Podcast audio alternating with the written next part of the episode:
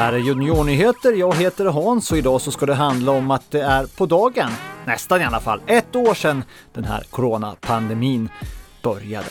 Att vi har en brittisk virusvariant på Åland, att fotbollsdomarna har upplevt ett annorlunda år och att Vera filmfestival den här veckan bjöd på några bidrag från unga åländska filmskapare.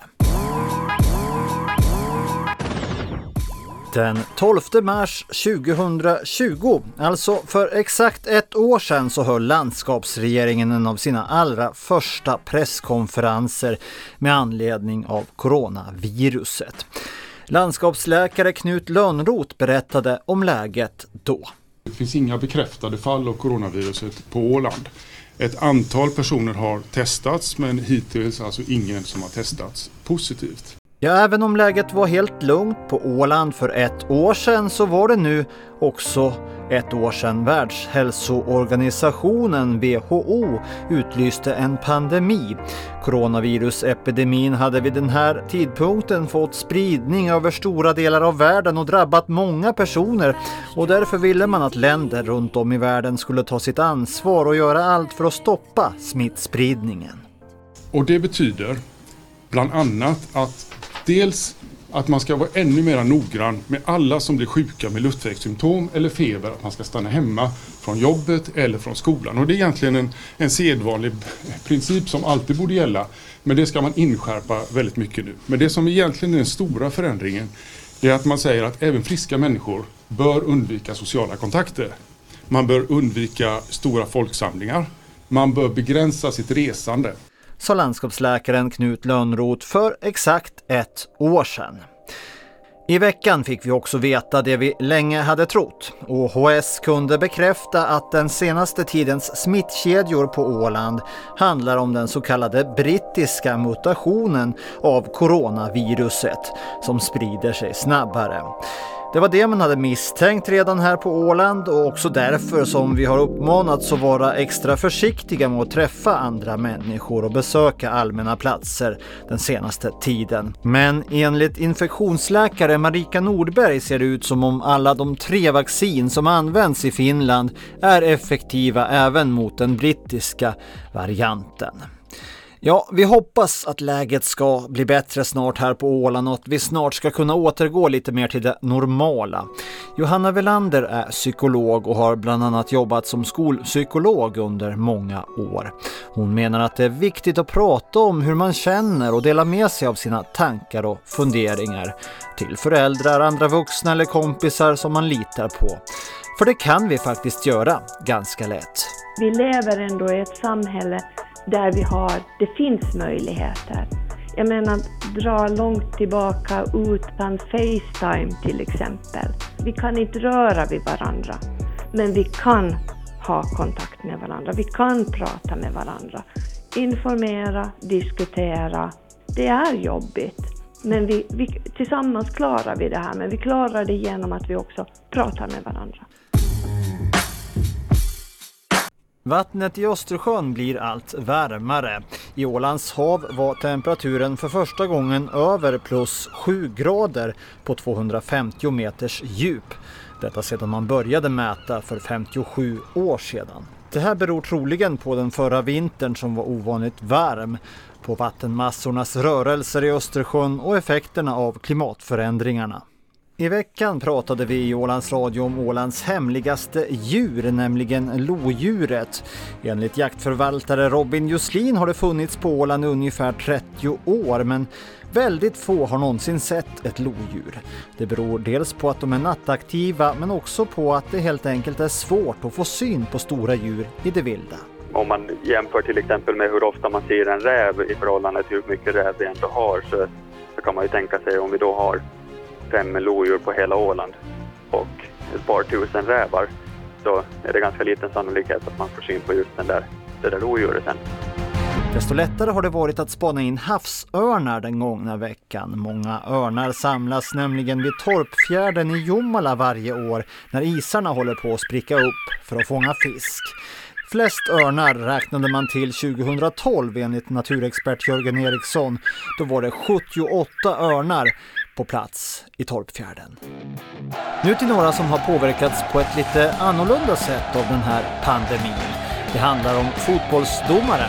Ja, många matcher har ju trots allt kunnat spelas under det år som har gått. Här i Finland spelas matcherna just nu utan publik och så har det faktiskt varit eh, i många länder det senaste året. En studie som är gjord på tysk fotboll visar att spel utan publik gjort att hemmalaget inte alls vinner lika ofta och att frisparkar och gula kort mot hemmalaget har ökat. Domarna kan inte påverkas av en högljudd hemmapublik och skillnaden för spelarna blir också mindre. Det är inte lika jobbigt att komma som bortalag till en tom arena och hemmalaget har inga på läktaren som hjälper dem att orka och våga lite mer. Det har blivit mycket tystare på fotbollsplanerna vilket också gör att det hörs tydligt vad alla spelare och tränare säger och det är mycket som en domare kanske inte vill höra. Det berättade Mattias Gestranius som är Fifa-domare och domaransvarig på Åland. Det är kanske svårt att, att, eh, att inte överreagera då det är ingen publik. För jag, jag brukar säga, säga som så att det är bra att en domare är döv ibland. Blind kan han aldrig vara, men, men döv kan han, borde han vara i, emellanåt. För det, det här, du ska nog inte kanske höra, höra riktigt allt heller vad som sägs av spelarna, men nu gör du ju det när du, när du dömer utan publik. Och sen alla fysiska kontakter blir lite annorlunda, annorlunda dessutom, så att du hör själva smällen och så vidare. Så på det viset blir det också kanske lite svårbedömt och det är kanske lättare att överreagera. I veckan rullade även kort och dokumentärfilmsfestivalen Vera igång här på Åland. Inte riktigt som vanligt utan filmerna sändes på TV via Ålandskanalen. Och ett av bidragen stod Edith Virta för med sin film Jobbigt kan bli bra. En film som hon hade spelat in när hon var nio år och tidigare tävlat med vid filmgalan Kaikikuva i Helsingfors. Eh, temat var separation och därför så tänkte jag att det första jag kom på var föräldrar som skiljer sig. Och, därför så, och mamma och pappa sa att de gärna kunde vara med i filmen. Så därför tänkte jag att de kunde vara de här föräldrarna som skilde sig då. Mm. Hur, och så du regisserar dem då alltså, sa de vad de ska göra och allt det där? Eller hur gick ja, det till? de fick också komma på lite själv.